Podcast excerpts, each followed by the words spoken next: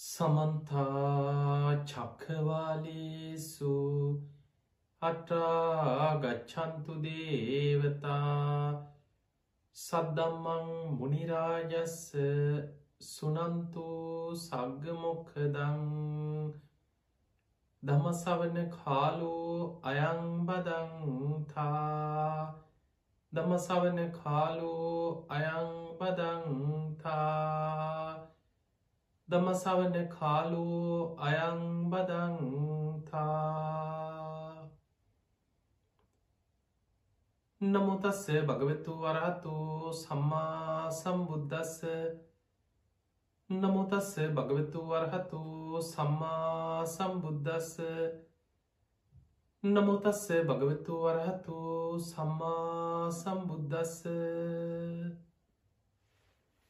හැම දෙනාටම තෙරවාසන්න ප්‍රාර්ථනා කරමින් අද ඔබ හැම දෙනෙක්ම ඔබේ ජීවිතයට ඉතාම වැදගත්. ධර්ම කාරණා රැසක් ශ්‍රවණය කරන්න කළම්මු ටෙලිවිෂන් මෙ සඳහම් විකාශයේ උතුම් දායකත ධර්ම දේශනාවක් සමගයි එකතු වෙලා ඉන්නේ.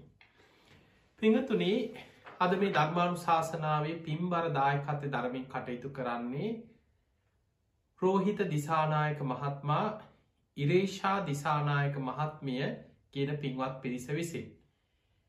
එයගේ ප්‍රධානම අරමුණ තමයි දෙදස් විසි එකේ නමවෙනි මාසෙ පස්වනි දින පරලෝ සැපත්වන්නට ඉදුණු ආදරණය මෑණියන් වූ රෙජිනා දිසානායක මෑණියන්ගේ තෙමස් පූර්ණය වෙනුවෙන් තමයි මේ ධර්මදානමය පින්කම සිදු කරන්න. තිය මිය පරලවගිය මෑණියන් සිහිපත් කරලා තුමාසයක් පිරීම නිමිති කරගෙන මේ ධර්මදානමේ පින්කම සිදු කරනවා ඒමෑනියන් ඇතුළු මිය පරලෝගේ ඥාතීට පින් අනුමෝදන් කිරීමේ උතුම් අරමුණ ඇත්ව තින් ඒ නිසා දායකත්තේ දැරුවේ හැම දෙනාටමත් ඔබ හැම දෙනාටමත් මේ ධර්මය ශ්‍රවණය කරන ලක්වාසි ලෝවාසි හැම දෙනාටමත් මේ උතුම් ධර්මශ්‍රවණය නිවන්දොරටුවක් බවට පත්වේවා කියලා මුලින්ම ආශිර්වාද ප්‍රාර්ථනා කරනවා.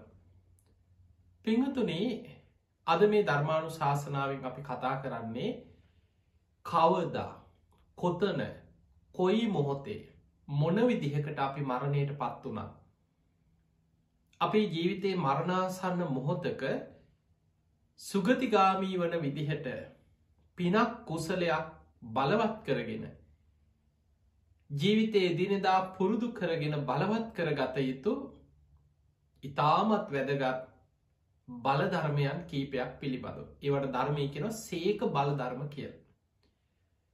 ඔබ හල ඇති මරණාසන්න කෙනෙකුට බලවත්වෙන කර්ම ගරුක කර්ම ආසන්න කර්ම ආචින්න කර්ම කටක්තා කරම කියල ධර්මය විස්තර කරනවා. ගරුක කර්ම කියලා විස්තර කරන්නේ මරණ මංචක ඒ කාන්තයෙන් බලවත් වෙලා විපාක දෙන කරම. අපි දන්නවා පංචානන්තරි අකුසල් වගේ බලවත් කර්ම. යම් කෙනෙක්ගේ ජීවිතේ වැනි කර්මයක් වුණා නං පිනකින් වහන්න පුළුවන් දෙයක් නෙමේ. මොන්න විදිහ පින්කං කරත් උදේ ඉදං හවස් වෙනකම් බුදු පිළිමකට වැදගෙන හිටිය. මරණ මංචකේ ආනන්තරි අකුසලේ බලවත්වෙනවා. ඒව ගරුක කර්ම කියන්නේ ඒ කාන්තෙන් කල්පයක් නිරේ.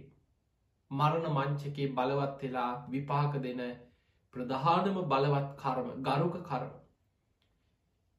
ඒ ගරුක කර්ම කෙරිලා නැත්නම් කෙනෙකුට කලාතුරකින් මෙන්න මෙහෙම දෙයක් වෙන්න පුළුවන්.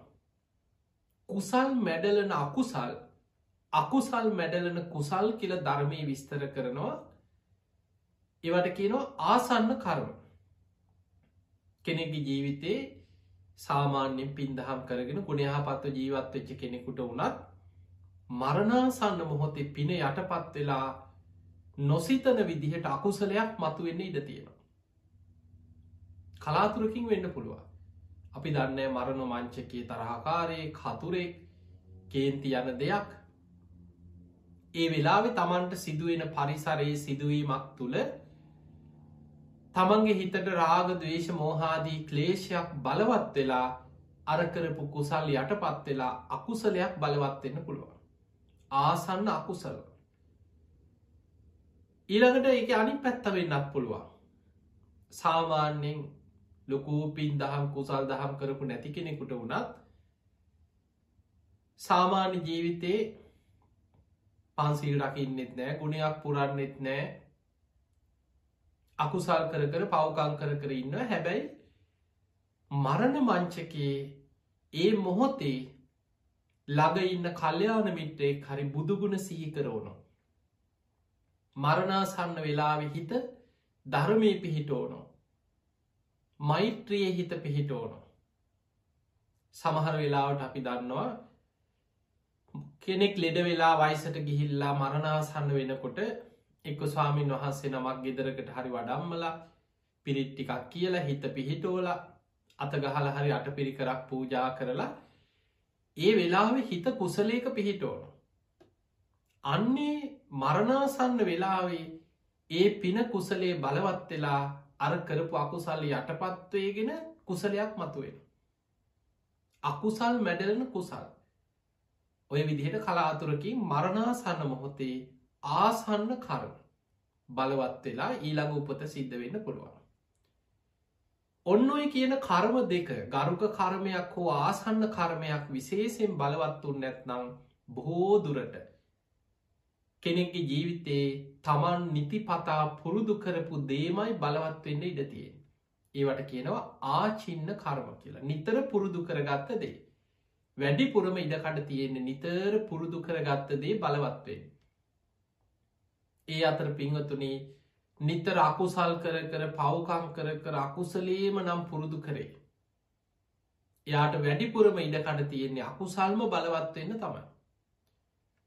එකන උබහල ඇති අර චුන්ද සූකරක. උදේ ඉදං දවසම ජීවිත කාලෙම ඌරුම මරන්න සැලසුම් කරනවා ඌරු හදනවා ඌරු මරණවා වෙලද පොල්ට යවනවා ඒක තමයි යාගේ ජීවිතය. මරණාසන්න කාලෙත් ඌරෙක් විදිහටම කෑ ගහල කෑ ගහලා ඒ විදිහට මිය ගියා. ඊළඟට හොරකංකරපු නොේ අපරාධ කරපු කෙනෙකුට මරණාසන්න මොහොතේ ඒ අකුසල් බලවත්වෙන්න ති ඉඩකඩ වැඩි. ප්‍රාණගාතාදී අකුසල් කරපු මහා පවකං කරපු කෙනෙකුට ඒවා බලවත්වෙනවා. ඉරිසියාව දවේශය වෛරය කේන්තියෙන් හිටපු කෙනාට මුළු ජීවිතයේ පුරාම තරහගන්නවා කේන්තිගන්න හැමවිලේම කවුරුහරය කෙල්ලෙන් හදනවා බනිනවා ඒ කෙනාට මරණාසන්න කාලෙත් වැඩිපුර කේන්ති යන අර ස්භාවීම තමයි බලවත්වෙන්න. මුළු ජීවිත කාලෙම පුරුදු කරපු දේ මේ අන්තිම වෙලාවට තමන්ට ඒ වෙලාවට උපාසකය වෙන්න පුළුවන්කමක්නෑ. ඔබහල ඇති සාමාන්‍ය සමාජි සමහරු කියනවා ආමන් දන්නවා එකේ වෙලාවට කරගන්න. චුතිචීතන යාමං එක කරගන්නකු කියනවා. ඒ අයි හිතාගෙන ඉන්නවා ජීවිත කාලේ පවුකං කර කර අකුසල් කර කර ඉඳලා අන්තිම වෙලා මේ මරණාසන්න වෙලාවේ අන්තිමට මං හරියට පිනක් සිහි කරගෙන කුසලයක් සිහි කරගෙන මං වැඩේ කරගන්නක් කියලා. පිංහතුනි මරණාසන්න මොහොතේ අන්ත අසරණයි. ඒ වෙලාවේ බෝදුරට තමන් නිතර පුරුදු කරපු දේ බලවත්වෙන්න තින අවස්ථා වැඩි. අන්නේ නිසා වැදගත් වෙන කාරණ පහක් කදාපි මේ ධර්මාණු ශාසනාවෙන් ඔබට කියලදෙන්. නිතර පුරුදු කළ ගත යුතු කරුණු පහක්. මේ පහන් නිතර නිතර පුරුදු කරොත් බුදුරජාණන් වහන්සේ පෙන්වා මරණාසන්න මොහොතේ කාන්තෙන් මේ කරුණු පහ බලවත් වෙලා එයා සුගතිගාමී වෙනවා. ඒ කරුණු පහම දියුණු කරගත්ත කෙනෙකුට මාර්ග පල්ල බන්නත් පුළුව නිවන කරායන්නත් පුළුව. ඒ කාරණා පහ ටික ටික හරි පුරුදු කොරොත් ඒ කරුණු පහ දියුණු කිරීමේ ප්‍රතිඵලයම මරණ මංචකයේ ඒ කෙනා ඒ කාන්තේ සුගතිගාමී කරනවා. ඒවට ධර්මය කියන්නේ සේක බල සේක කියන්නේ ධර්ම මාර්ග හික්මෙන කෙනා. මේ මාර්ගය වඩන කෙනා මාර්ගයේ පුරුදු කරන කෙනාට අපි ධර්මය කෙනවා සේක. ඒ සේක පුද්ගලයා තුළ තියෙන බලධර්ම කීපේ තමයි සේක බල අපි එකින් එක බලමු. පළවෙනි එක තමයි සද්ධාව. මේ සද්ධාව ඔබට හිතෙන්න්න පුළුවන් අපිට සද්ධාව තියෙනවන ඕකායි අපි දන්නවනේ මතක තියාගන්න ඒ සද්ධාව ඔබ දන්නවා අපිත් බුදුන් අදිනවා තම අපිත් බුදුගුණ ටික දන්නවා අපිට සද්ධාව තියෙනවා කියල හිතුවට ඒ සද්ධාව වෙනස් වෙන්න පුළුවන් සද්ධාව. සාමාන්‍ය පෘතජ්ජන මනුස්්‍යයා තුළ තින සද්ධාව ධර්මය පෙන්නන්නේ පරිප්ලෝ පසාදස්ස ඉල්පෙන සද්ධාව වෙනස් වෙන සද්ධාව සැලෙන සද්ධාව පඤ්ඥා නපරිපුරති ඒ සද්ධාවෙන් ප්‍රඥාවට යාගන්න අමාරේ ප්‍රඥාව පිරෙන් නෑ කිය වෙනස් වෙන සද්ධාව සැලෙන සද්ධාව ඉල්පෙන සද්ධාවක් ඇති කෙනාට ප්‍රඥාව පිරෙන් නෑ කියල බුදු හාමුදුරු පෙන්නු එකට බුදු හාමුදුර එක තැනක උපමාවක් පෙන්නවා පරඩැලක් පරඩැල කියන වචනයේ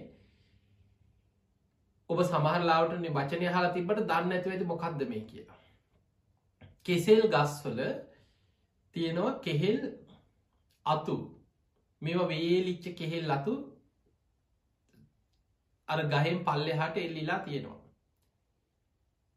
මේ කෙහෙල් අත්ත වේලිලා ඇකිලිලා දැන් එල්ලිලා තියෙනවා. ලොකු ශක්තියක් නෑ. හුලං හමන හමන දිහාවට පැත්ති පැදි තියෙන උතුරු පැත්තෙන් හුලන් හමනකොට දකුණු පැත්තට හුළන් යන පැත්තට පැද්දිලාන එහෙන් හුළන්ගෙනකොට අනික් පැත්තර පැද්දෙන බටහිර දිසාාවෙන් හුලම් පරක්කාව තර ගහේ ලිලා තියෙන පරඩැල ඒ පැත්තට පැද්දෙනවා. එදකොට ඒ වගේ හුලං එනේන දිසාවට වැනි වැනී තියෙන පරඩැලක් වගේ. බුදුහාන්දුරෝ මේ ධර්මී මේ උපමාව පෙන්න්නනවා අන්ද බාල පෘතජ්ජන කෙනාගේ සද්ධාවත් ඔය වගේ කියන සැලෙනවා වෙනස් වෙනවා.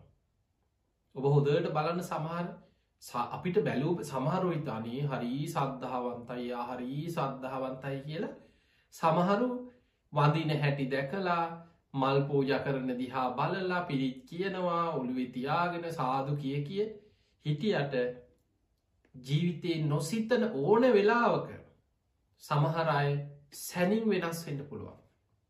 මේ බුදුන් අදිනවා මේ බුදු හාදුරන්ට බැන බැනයනවා. මේ බෝධි පූජා තියෙනවා මෙන්න දවසකට දෙකට පස්සේ බෝධීන් වහන්සේටත් එක්ක බනිනවා. කෝ අපිට බැලුව. අපිත් බෝධි පූජාති බකෝ අපිට පිහිට වුණා. අන්නේ වගේ තුළු අවබෝධෙන් නෙමේ. එයා දන්න ඇයි මේ බෝධි පූජාතියන්න. එයා සමහරලාට බෝධීන් වහන්සේට සද්ධාවෙන් වගේ බෝධි පූජාතියන්නේ මල් පූජ කරන්නේ මිත්‍යා දෘෂ්ටික අදහසක් කොළුවෙ තියාගෙන ලෙඩ හොඳ වෙන්න. විභාගයක් පාස් වෙන්න. නඩුවක් දිනෝල දෙන්න. දුවට විවාහයක් හරියන්න. එදකොට මේ වගේ අර ලෞකික ජීවිතය තුළ සාමාන්‍ය අපේක්ෂාවන් ගොඩක් පොළුවෙ තියාගෙන ඇවිල්ල බෝධි පූජා තියෙනවා. බෝධීන් වහන්සේ කියන්නේ මේ තමන්ට ඕන ඕන දේවල් ලෞකික ජීවිතය මේවා ලබා දෙන සිතූ පැතුූ සම්පත් දෙන මේ වෙන අමුතු ජාතිය කප්රුකක් නෙමෙයි. බෝධි පූජාවක් අපි තියන්න ඕනෑ බෝධිය කියන්න බුදුරජා චතුරාරි සත්‍යයට කියෙන වචනයක් බෝධි. අපේ බුදුරජාණන් වහන්සේ මේ බෝධි මූලේ නේද රාග දවේශ මෝහ ප්‍රහාණය කළ උතුම් චතුරාරි සත්‍ය අවබෝධ කරේ. අන්නේ වැනි අදහසකින් මේ වගේ බෝධීන් වහන්සේ නමක් සෙවනේ අනේ අපි සරණ ගිය බුදුරජාණන් වහන්සේ චතුරාරි සත්‍යය සත්‍යඥාන කෘත්‍යඥාන කෘතඥාන වසයෙන් තිපරිවට්ටන් දවාදසාකාරං ආකාරයට අවබෝධ කරගත්තා. ඒ උතුම් බෝධීන් වහන්සේට මගේ නමස්කාරවේවා මටත් ඒ උතුම් චතුරාරි සත්‍ය අවබෝධ වේවා. බුදුහාමුදුරුවන්ට බුදුවෙන්න සෙවන දුන්න. බෝධි මූලේ නැගෙනහිර දිසාවට මුහුණලා ලෝතුරා සම්බුද්ධත්වයට පත් වනා. රාට්‍රී පළවෙනියාම පුබ්බේ නිවාසානුස්සති ඥාන දෙවනියාම චුතෝපාතඥානෙ තුන්ගෙනයාම පටිච්ච සමුපාද විමස්වේ මේ බෝධීන් වහන්සේ නමක් සෙවනි වැඩ ඉඳලනේ දේදා. එදකොට මේ විදියට දස බිම්බරක් මාරසේනා පරාජය කරේ බෝධීන් වහන්සේ නමක් සෙවන නේද. උන්වහන්සේ බුදු වෙලා සතියක් බෝධි මූලේ විමුක්තිස්ව විඳමින් වැඩ සිටියා. බෝධීන් වහන්සේට දෙවනි සතිය පුරාම නේත්‍ර පූජාවකින් පූජාවක් කරා. ඒ උතුම් බෝධීන් වහන්සේ වෙනුවෙන් මමාද මල්ටිකක් පූජ කරනවා ගිලම් පසටිකක් පූජ කරනවා. බුදු හාදුරගේ බුදුගුණ සිහිපත් කරගෙන බුදු කෙනෙක්කුට පූජාවක් පවත්වනවා කියන අදහසෙන් ඒ බෝධීන් වහන්සේට මම මේ පූජා කරට. ඔබ හිතන්න ඔය වගේ හැඟීමෙන් බෝධි පූජාවක් තියෙන කියෙන් කී දෙනාද කිය බොහෝ දෙනෙක් බෝධි පූජා බෝධිය මතක් කෙන්නෙම තමන්ට මොකක් හරි කරදරයක් එන්න ඕන එක කොහ අරි කේන්දරයක් බලන්න ගිහාවාරි කියන මෙන්න මේ අපල තියෙනවා බෝධි පූජා හතක් තියන්න. එතකොට ඒ ඒ ඊට පස්සේ තමයි බෝධීන් වහන්සේ මතක්කෙන පූජාව එක කවරුහල් ලෙඩ වෙනවා. ගෙදර කවුරල් ලෙඩ වෙලා ඉස්පිරිතාලිද දොස්තරල කියනවා මේ අමාරුයි. ඔපරේෂන් කරන්න වෙනවා. විශ්වාස කරන්න අමාරුයි මේ මෙයාගේ තත්ත්ේ දැන් ඔන්න බෝධි පූජාතියන්න දුවන දැ බෝධීන් වහන්සේට බෝධි පූජාතියන්නෙම ලෙඩා හොඳ කරලා දෙන්න. වෛද්‍යවරු ඔපරේෂන් එක් කරනවා. අපි හිතමු ලෙඩා මැරුණ කිය බෝධි පූජාහයක් විතර තියාගෙනනව ලෙඩා මැරෙනවා. දැන් අනවබෝධයෙන් බෝධි පූජාතියපු කෙනා දැන් බෝධීන් වහන්සේ වැරදි කාරය වෙනවා. ඔන්න අපි බෝධි පූජාති බකෝ අපිට බැලවා? කෝ අපිට පිහිට වුණා? දැම් බෝධීන් වහන්සේටත් බයිනවා බුදු හාමුදුරන්ටක් බයිනවා. පිංහතුනි මතක තියාගන්න බුදුරජාණන් වහන්සේ බෝධිමූලය අවබෝධ කරේ ඉපදීම දුකයි. ඉපදුනානං ඒ කාන්තෙල් ලෙඩ වෙනවා. වයසට යනවා. ජරාවට පත්වෙනවා ජාතිපච්චයා ජරා මරණ සෝක පරිදේව දුක්ක දෝමනස් උපායාස. ප්‍රියන්ගෙන් වෙන්වීම දුකක් අප්‍රියන් සමඟ එකතුවීම දුකක්. යම් පිච්චන්න ලබති තම්පි දුක්කං සංකිත්තේන පංචුපාදානක් කන්දා දුක. මෙන්න මේ පංචුපාදානස්කන්ද දුකමයි අවබෝධ කරගෙන දුකෙන් මිතුනේ එදකොට අපි බෝධීන් වහන්සේ ළඟට ගිහිල්ලා ඒ අවබෝධ කරගන්න තියෙන දුක බුදුහාමුදුරු ආරි සත්‍යයක් හැටියට පෙන්න්නපු දුක අපි බෝධියෙන් ඉල්ලනවා. ඒක අනි පැත්ත හරෝල දෙන්න කියලා. බුදුහාන්දුරු ලෙඩවීම දුකක් ආරි සත්‍යයක් හැකියට පෙන්වා අපි ගිහිල්ල ඉල්ලීමක් කරනවා ලෙඩවෙන්න එපායා. අනේ මැරෙන්න්න එපා බුදුහාන්දුරු පෙන්වේ මරණය නත්ති ජාත සමරණ. උපන්නාව සෑම සත්‍යයකුට මරණය වරුමයි මේක යාරි සත්‍යය හැබැ අපි ගිහිල්ල ඉල්ලනවා අනි යාට මැරෙන්න්න දෙන්න එපා. එයාම ලෙඩ කරන්න එපා. ප්‍රියන් අපෙන් වෙන් කරන්න එපා. එතකට බලන්න අපි අනවබෝධය මේ ධර්මය ගැන අවබෝධයක් නැතුව බුදුන් වදිනවා බෝධි පූජා තියෙනවා. එදකොට අපිට මේ අය වදිනකොට පෙරලෙනකොට සාදු කියනකොට මල් කල පැන්කාල අරගෙන යනකොට සද්ධා වගේ පෙවුනට ඒ සද්ධාවෙන් පිනක් රැස්වෙනවා තම අමූලිකා සද්ධාවෙන් ඉව පින් රැස්වෙනවා හැබැයි පොඩි වෙලාවක් ඇති වෙනස් වෙන්න. ඊටත් වඩ අකුසල් ගොඩක් පුරෝගන්න තුනුරුවන්ට ගරහල බැනලා. ඒ නිසා සාමාන්‍ය පෘතජ්ජන කෙනෙක් තුළ තියෙන මෙන්න මේ සද්ධාවකට ධර්මය කියන්නේ අමූලිකා සද්ධා. ඒ සද්ධාව ප්‍රඥාව කරායන්න බැරි සද්ධාව. පිංහතුනි ආර්ය ශ්‍රාවකයෙක් ඇති කරගත යුත්තේ අවබෝධයෙන් යුක්ත සද්ධාව. එකට ධර්මය කියන්නේ ආකාරවතී සද්ධහා. බුදු ගුණ ගැන අවබෝධයෙන් ඒ සද්ධාව නිකං ඇතිවෙන්නේ බුදුන් ඇන්ද කියලා සාදු කිව්ව කියල එහෙම ඇතිවෙන එකක් නෙමේ. සැබෑ සද්ධාව ඇතිවෙන්නේ දහම් දැනුමත් එක්ක ධර්මය වැටහීමත් එක්. පිංහතුනි බුදුරජාණන් වහන්සේ සද්ධාව ධර්මය විස්තර කරේ මේ විදිහට. සද්දෝ හෝති සද්ධාති තතාගතස්ස බෝධී. සද්ධාව යනු සද්ධාති තතාගතස්ස බෝධීන් බුදුරජාණන් වහන්සේගේ අවබෝධය අදහා ගැනීමමයි සද්ධහා. අවබෝධය උන්වහන්සේ අවබෝධ කරගත්දේ තමයි අවුරුදු හතලිස් පහක් පුරා දෙව්මිනිස් ලෝකයා ගැන මහා කරුණාවෙන් ලෝකෙට දේශනා කරේ.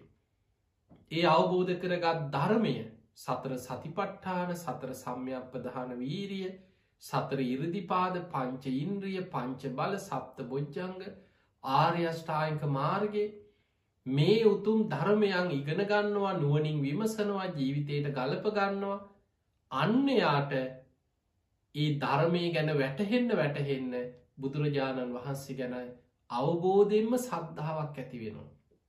උන්වහන්සේගේ අවබෝධය ගැනයි සද්ධාව ඇතිවෙන්නේ. මේ සා පරම ගාම්බීර ධර්මයක් මේ ධර්මයනම් හරිම ආශ්චරයයි. මේ අවිද්‍යාව නිසාමයි මේ සත්‍යයා සංසාරය පැටලි පැටලි මේ දුකට බැඳි බැඳී යන්නේ. අවිද්‍යාවෙන් මිදිල දුකෙන් මිදෙන මාර්ගයක් බුදුහාමුදුර අවබෝධ කරගත්තේ. මේ උතුම් ධර්මය අවබෝධ කරගත්ත බුදුරජාණන් වහන්සේ නගේ කාන්තෙන් අරහන්. උන්වහන්සේ කාන්තෙන් සම්මා සම්බුද්ධයි. ඒ කාන්තෙන් විද්‍යාචන්න සම්පන්නයි. උන්වහන්සේ සුගතෝ ලෝකවිදූ අන්න අවබෝධයෙන්ම සද්ධහා ඇතිවෙන හැටි. අන්නේ විදියට බුදුරජාණන් වහන්සේ ගැන අවබෝධයෙන් සද්ධහා උපදින්න නං නිතර බණහන්න වෙනවා. ඒ අහන ධර්මය හොඳට නුවනින් ගලප ගන්න වෙනවා. යෝනිසෝ මනසිකාර ඉදිලා ඒ ධර්මය ගැන නිරව් දැනුමක් තමා තුළින් ගොඩනගා ගන්න වෙන. අන්න එතකොටයි සද්ධාව කියන එක තමන්ගේ ජීවිතය තුළින් වර්ධනය වෙන්න පටන්ගන්න. මතකතියාගන්න මේ බුද්ධ ශාසනයට ඇතුල්වෙන ප්‍රධානම දොරටුව තමයි සද්ධාව. පංච සේක බලගත්තත් පළවෙනි එක සද්ධාව.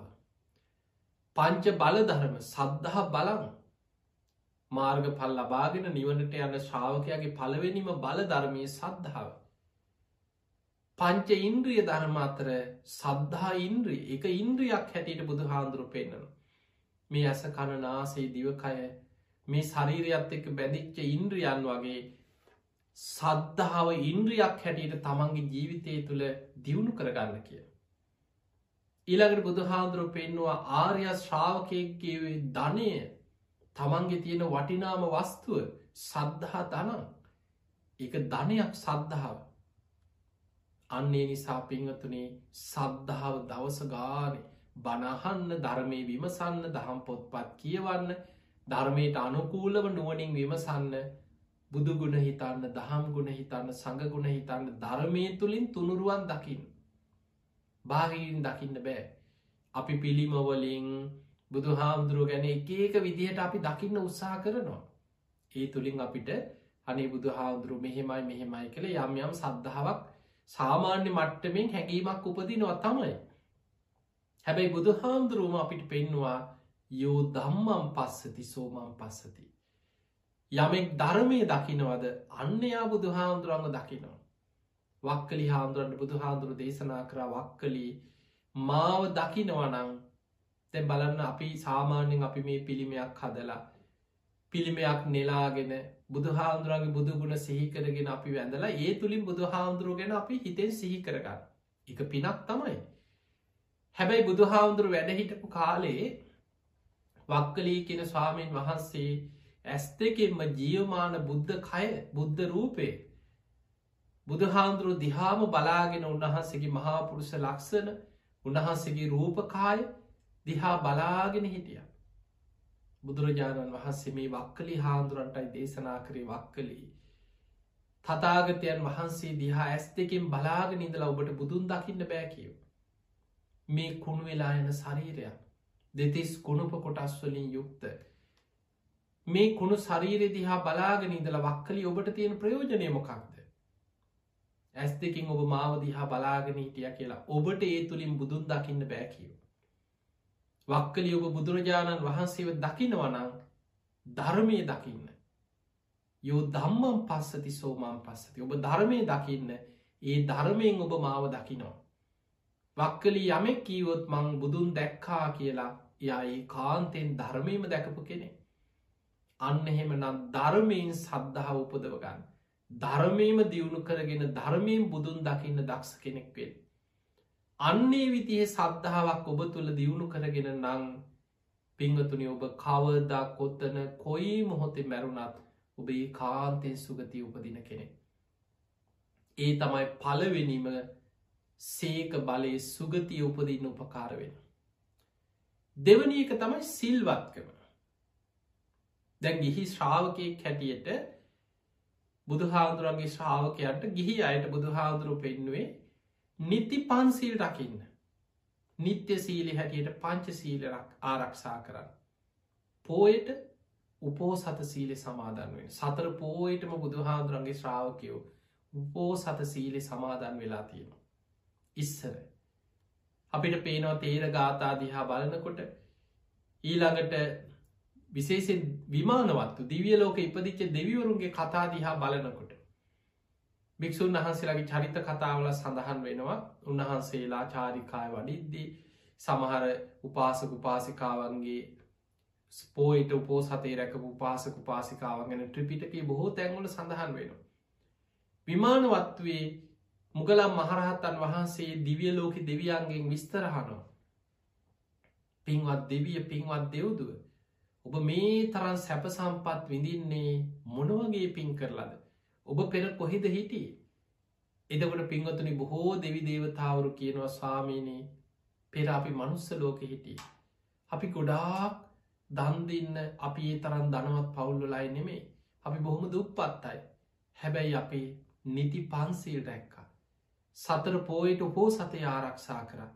අන්නේ පිනෙන් තමයි මේ දිවිය සැප සම්පත් ලැබුවේ කියලා මහරහතන් වහන්සේලා ඉරදිවන්ත මහරහතන් වහන්සේලා දෙව්ලෝට වැඩම කරපු අවස්ථාවල දෙවිවරු තමන්ගේ පින ගැන විස්තර කරන සිදුවීන් ධර්මය අපිට හම්බෙනවා.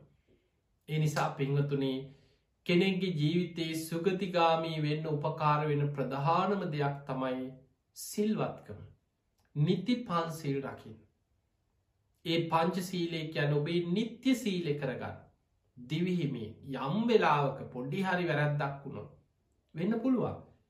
සෝවාන් වෙනකල් මතකතියාගෙන සෝතාපන්න ශ්‍රාවකය තමයි ආර්ය කාන්ත සීලයක් හැටියට දිවිහිමියෙන් ඒ මොන්නම හේතුවක් නිසාවත් අපායගාමි අකුසලේකට වැටෙන් නෑ කියෙන සෝවාන් වෙච්ච කෙන. ඒ කාන්තෙන් දිවිහිමියෙන් පංච සීලි ආරක්ෂා කරන කෙනෙ. එතනින් මෙහා පුතත්ජන මනස කියන්නේ සමහර වෙලාවට සිහියෙන් හිටිය නැත්නම් මේ හොඳට කතා කර කර විහිළු කර කරන්න දන්නෙමන බොරු කියන කියල තමයි පස්සෙ මතක්කෙන්. ඇයි සිහියෙන් නෙමෙයි කතා කරන්න. මුලාවෙන් ඉන්නේ. කේලම් කියනවා හිස් වචන පරුස වචන කියනවා. සමහර වෙලාවට තමන්ගේ අතින් පුංචි සතෙක් මදුරුවෙක් කූමිය හරි මැරෙන්න්න පුළුව.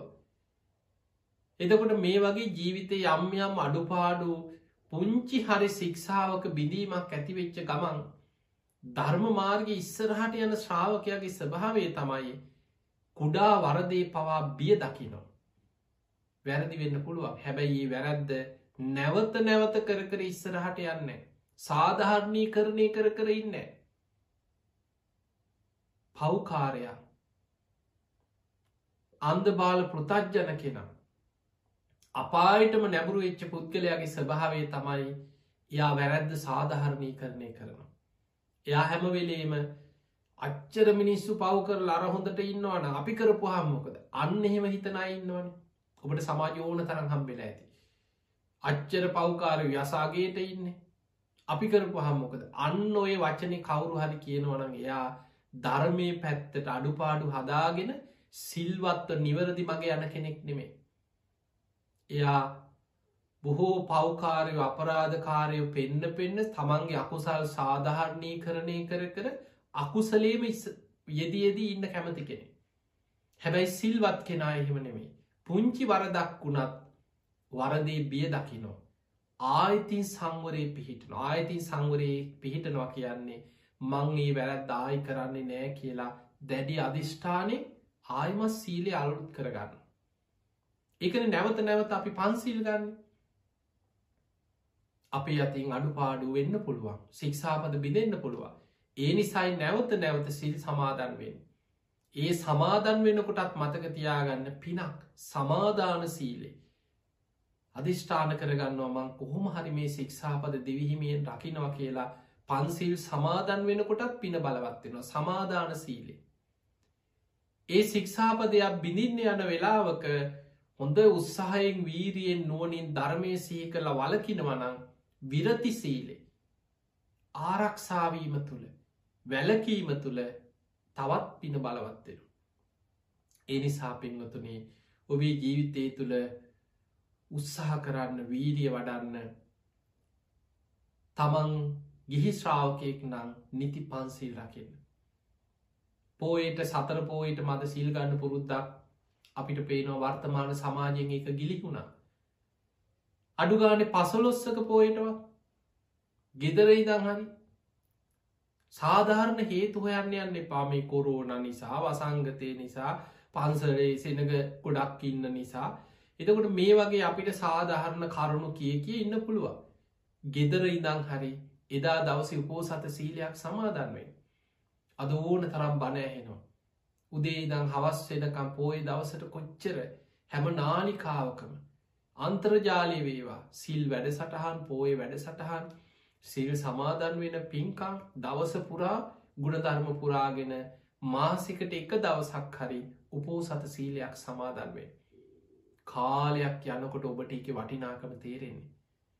පිංහතුනී බුදුරජාණන් වහන්සේ පෙන්වා නිති පන්සිල් රකින පෝයිට උපෝ සත සීලේ සමාදන්වෙන් සිල්වන්ත ශ්‍රාවකයා කවදක් ඔත්තන කොයි මොහොතේ මැරුණත් ඒ කාන්තින් සුගතිගාමී වෙන කෙනෙ. අන්න පිංහතුනි සුගතිය උපදින්න නම් නිතර පුරුදු කරගත යුතු දෙවනි කාරණය තමයි සිල්වත්කම පළවෙනික සද්ධාව දෙවනික සීලේ. තුංගනි කාරණය තමයි සුත සුත කියන දහම් දැනුම්. නිතර පුරුදු කරන්න දහම් දැනුම්. බණපොත්පත් කියවන්න.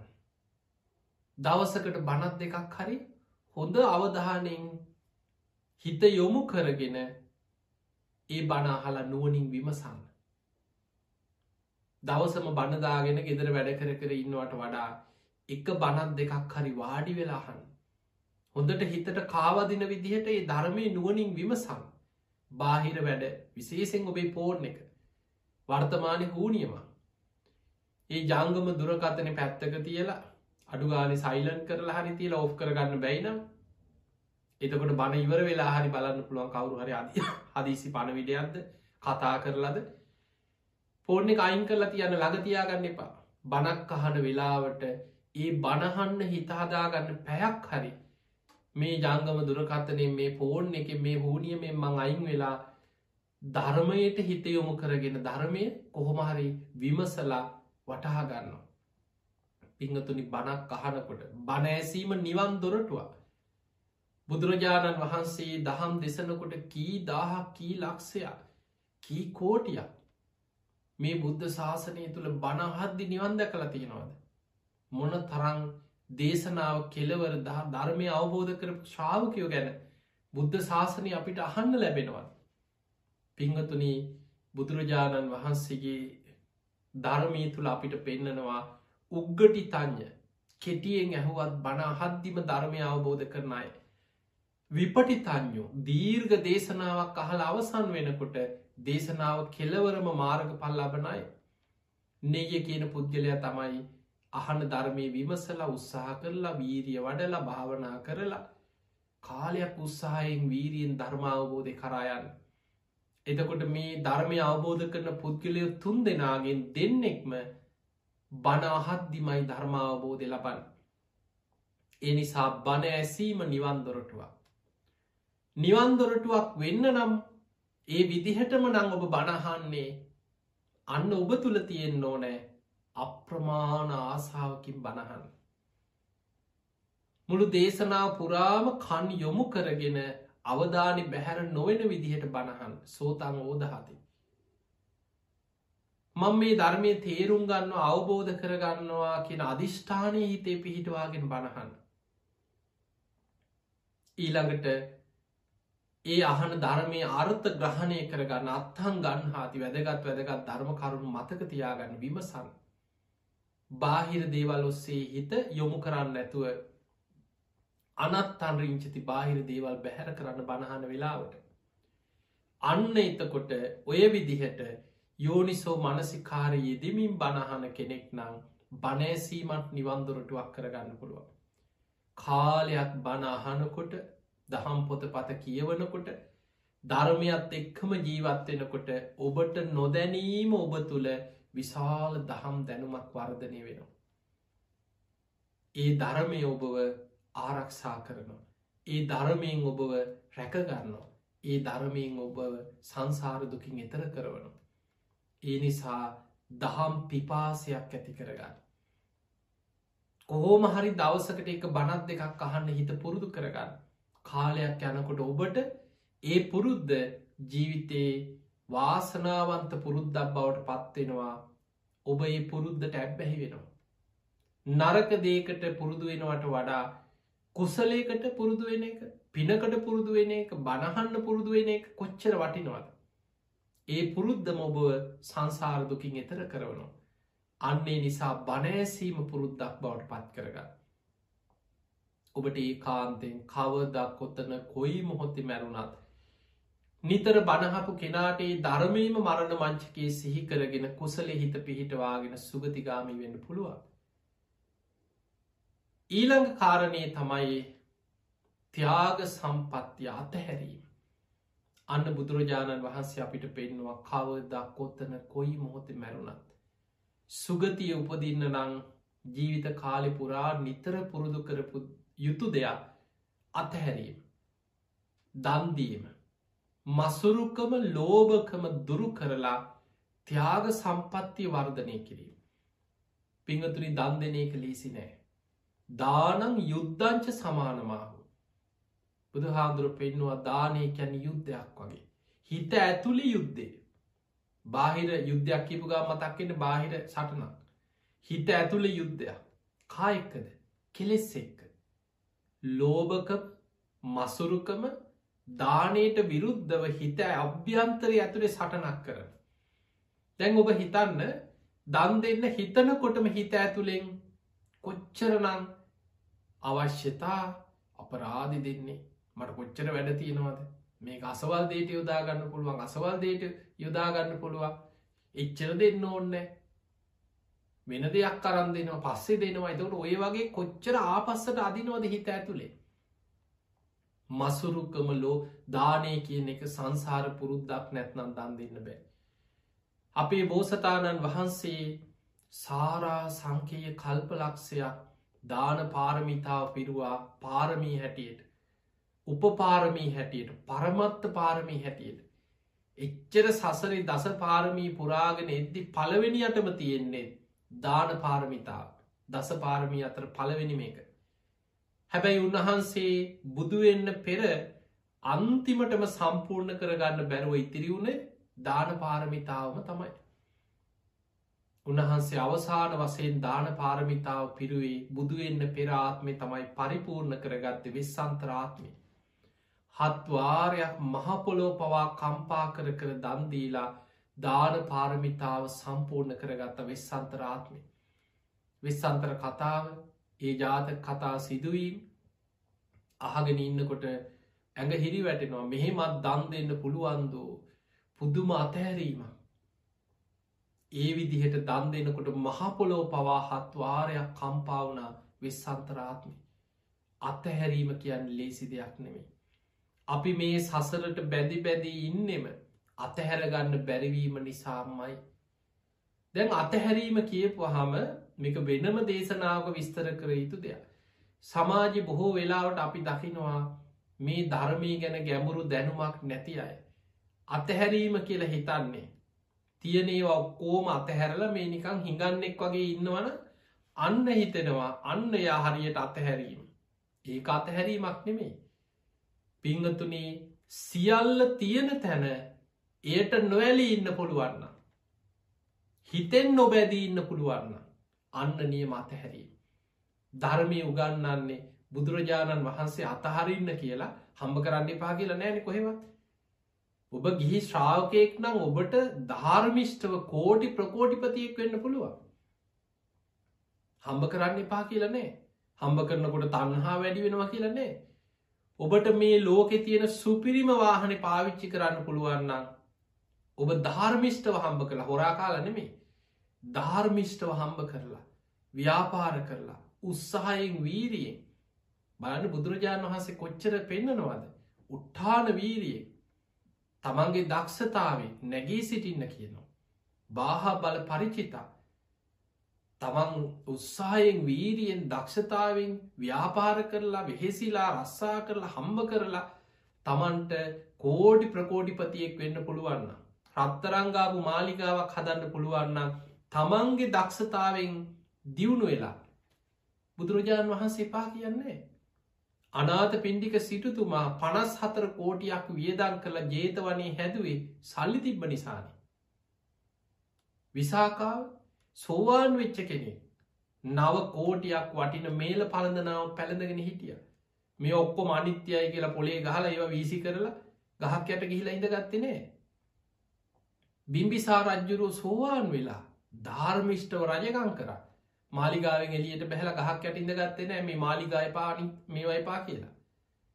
ඒ නිසා අතහැරීම කියනදේ මේ වචනය දිහා බලලා අතහරිනවා කියන්න මේ එකක්කත් මට එපා කියල. නික බලාගත්තුවද බලාගෙන කන්නේ නැතුව අඳින්නේ නැතුව එහෙම ජීවත්වෙන එක නෙමේ ඒ නිසා මතක තියාගන්න බුදුරජාණන් වහන්සේ ලස්සනට ධර්මය පෙන්න්නනවා මහනෙන ගිහි ශ්‍රාවකයෝ කාමයන් පරිහරණය කරනවා හැබැයි රජමැදුර හිටියත් ආදීනව දස්සාාවනවා අන්න එතනයි වැදගත්ක රජ මාලිගාව හිටියත් දන්නවා රත්තරංගාල මොනතරම් මැනික් කල්ලපු මාලිගාවක හිටියත් එය අවබෝධයෙන් මෙනෙහි කරනවා මේ සියල් අනිත්‍යයි.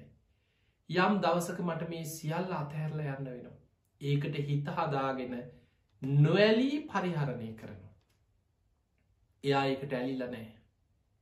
එයා ඒ සියල්ල වෙනස් වෙලා යන දෙයක් අනිත්‍ය දෙයක් යම් දවසක මට මේ සියල් අතහැරලා යන්න වෙනවා කියන අවබෝධයෙන් ඒව පරිහරණය කරන.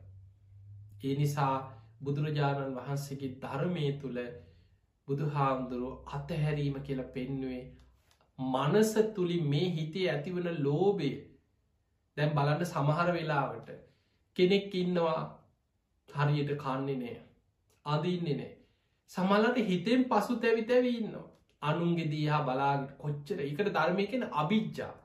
අනුන්ගේ සම්පත්වලට ඉරිසියා කරනවා ලෝභ කරනවා.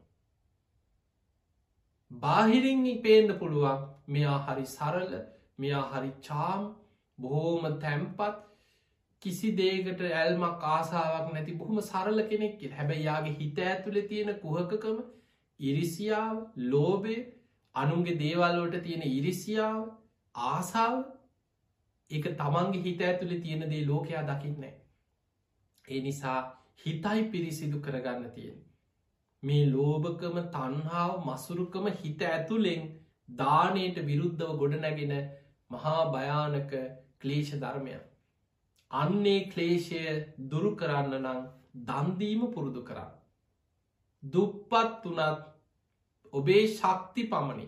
දුප්පත් කියලා කියන්නේ දන් නොදීන්න හේතුවක් නෙමේ පුළුවන් තරන් දන් දෙන්න ඕනේ. සංසාරයේ මසුරුකම ලෝභකම දන් නොදී හිටපු එකේ ප්‍රතිඵලය තමයි කෙනෙක් සංසාරි දුප්පත් වෙවී යන්නේ.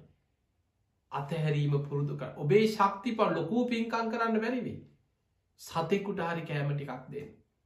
ඉඳුල් වතුර ටික හෝදල විසිකරත් අනේ පල් පොළොව ඉන්න සතෙක් හරි ආහාර කර ගනිත්වා කියල හිතන්න. කන බත් පතෙන් බත් කටක් හරි සතෙකුට දන්දෙන් තව කෙනෙක් කරන පිනත් දිහා බලල ඉරිසියා කරන්න පානේ සාදු කියලා සතුටුවෙන් ඒ පින් අනුමෝදන්වේ දවස ගාලි පුංචි හරි පිනක් කර කර පින් රැස් කරගන්න. ඒ නිසා පින කියලා කියන්නේ දන්දීම ජීවිතය පුරුදු කරා. මසුරුකම ලෝභකම හිතෙන් බැහැර වෙලා දුරු වෙලා යන විදිහට ත්‍යයාගේ වර්ධනය කරගන්න ත්‍යාග සම්පත්ති අතහැරීම.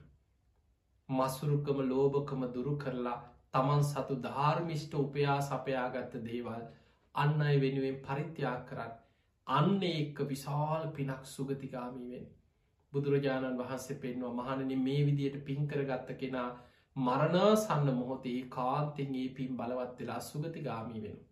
දැන් අපි කතා කරා කරුණු හතර සද්ධාව සිල්වත්කම දහම් දැනුම තියාග සම්පත්තිය පස්වෙන එක තමයි ප්‍රඥාව.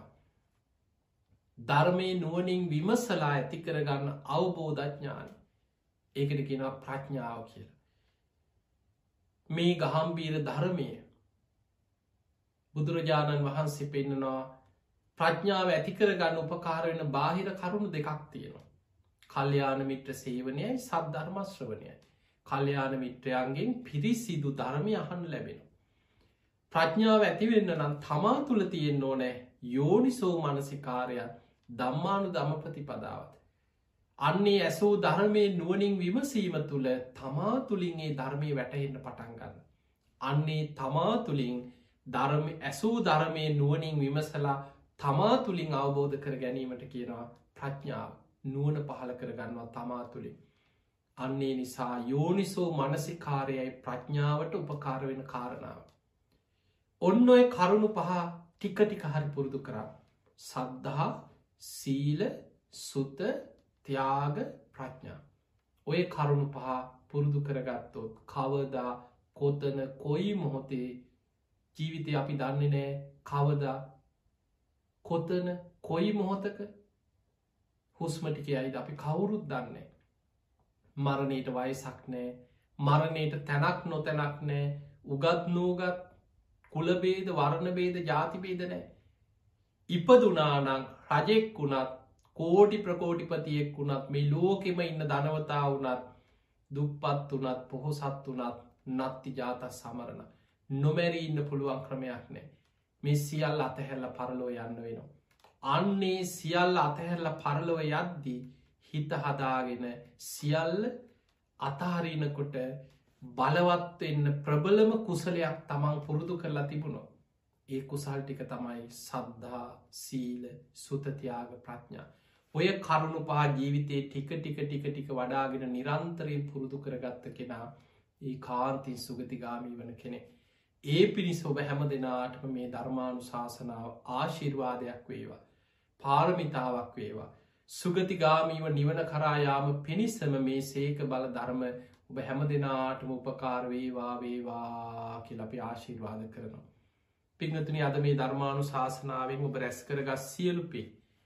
සියලු දෙවියෝ සාධු කාර්දිදී මේ පින් අනමෝදන් වෙත්වා දෙවියන්ගේ පිහිට රැකවරන ආශිර්වාදය ඔබ හැම දෙනාටම ලැබේවා කියල අපි ආශිර්වාද කරනවා.